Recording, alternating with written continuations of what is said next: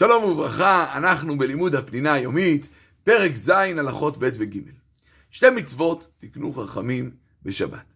מצוות עונג שבת, שהיא מתקיימת בעיקרה בסעודות, אבל גם בין הסעודות, שאתה תואם כל מיני דברים, או שנח וישן, ומצוות שלוש סעודות.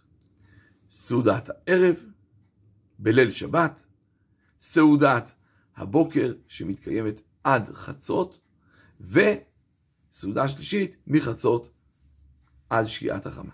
כאשר אדם לא אכל סעודה בזמנה, אז ישלים, זאת אומרת לא אכל בליל שבת, יאכל שתי סעודות עד חצות, לא אכל סעודה עד חצות, יאכל שתי סעודות אחרי חצות, כן, מחצית השעה אחרי חצות, שאז מתחיל זמן לסעודה שלישית. אה, כי יש אומרים שצריך לאכול שלוש סעודות והזמן לא מעכב, ובדיעבד סומכים עליהם. עיקר הסעודה היא כמה לאכול לחם, אבל ירבה במאכלים טובים לכבוד השבת. בדרך כלל אנחנו יודעים שאדם צריך לא לאכול הרבה. אבל בשבת אם אדם מרבה באכילה, כיוון זה מצווה, זה דבר מבורך. ובלבד שלא האכילה תגרום לעייפות ולעצבות, ולא יוכל ללמוד כראוי, ולא יוכל לשמוח כראוי. ואם הוא עושה ככה זה כבר שמחת קרסו ולא קדושת השבת.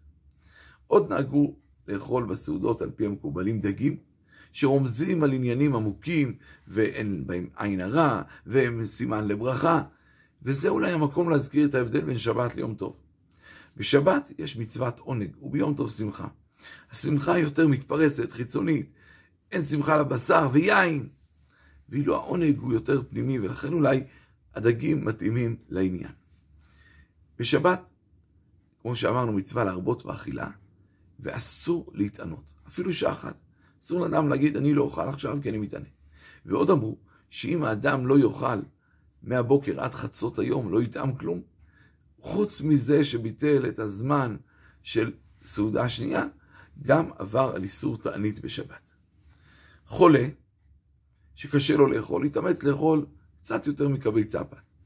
אם גם זה קשה לו, יאכל כזית פת. אם גם זה קשה לו, לא יאכל. כי העיקר שאדם צריך להתענג. עוד תקנו חכמים, אה, בכל סעודת שבת, סעודה ראשונה, שנייה ושלישית, שאדם יבצע על שתי כיכרות של לחם. כמו שהיה במדבר, שהיה אה, לחם משנה. המן ירד כפול. בכלל, כל עניינה של השבת הוא כפול. הקורבנות של הכפולים, השכר של הכפול, זכור ושמור.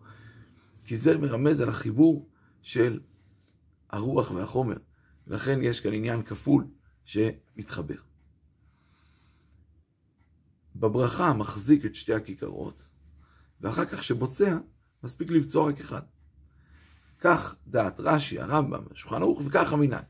אמנם יש את דעת השלב והגר"א, שאומרים שצריך לבצוע משתי הכיכרות. ומי שרוצה לנהוג כך, יעשה כיכרות לחמניות קטנות יחסית, ואז יבצע ממילא משניהם. יש מנהגים שונים. האם לקחת החלה העליונה או את החלה התחתונה? יש אומרים בלילה את התחתונה וביום את העליונה, וכל אחד יכול לעשות כמנהגו, רק כשהוא רוצה לקחת את התחתונה, יקרב אותה טיפה אליו, שלא יהיה פה העברה על המצוות. לכתחילה אנחנו אה, בוצעים על שתי כיכרות שלמים, ולכן אפילו את המדבקה לא, אה, לא יוריד.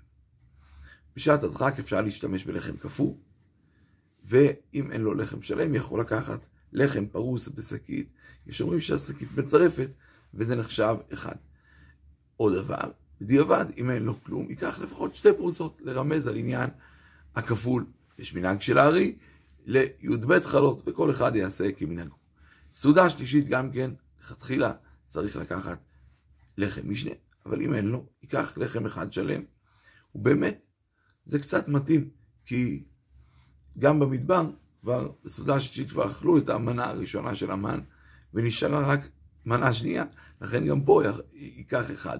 אבל כמו שאמרנו לכתחילה, גם בסעודה שלישית, נוהגים בשתי כיכרות בלחם משנה. שלום, שלום.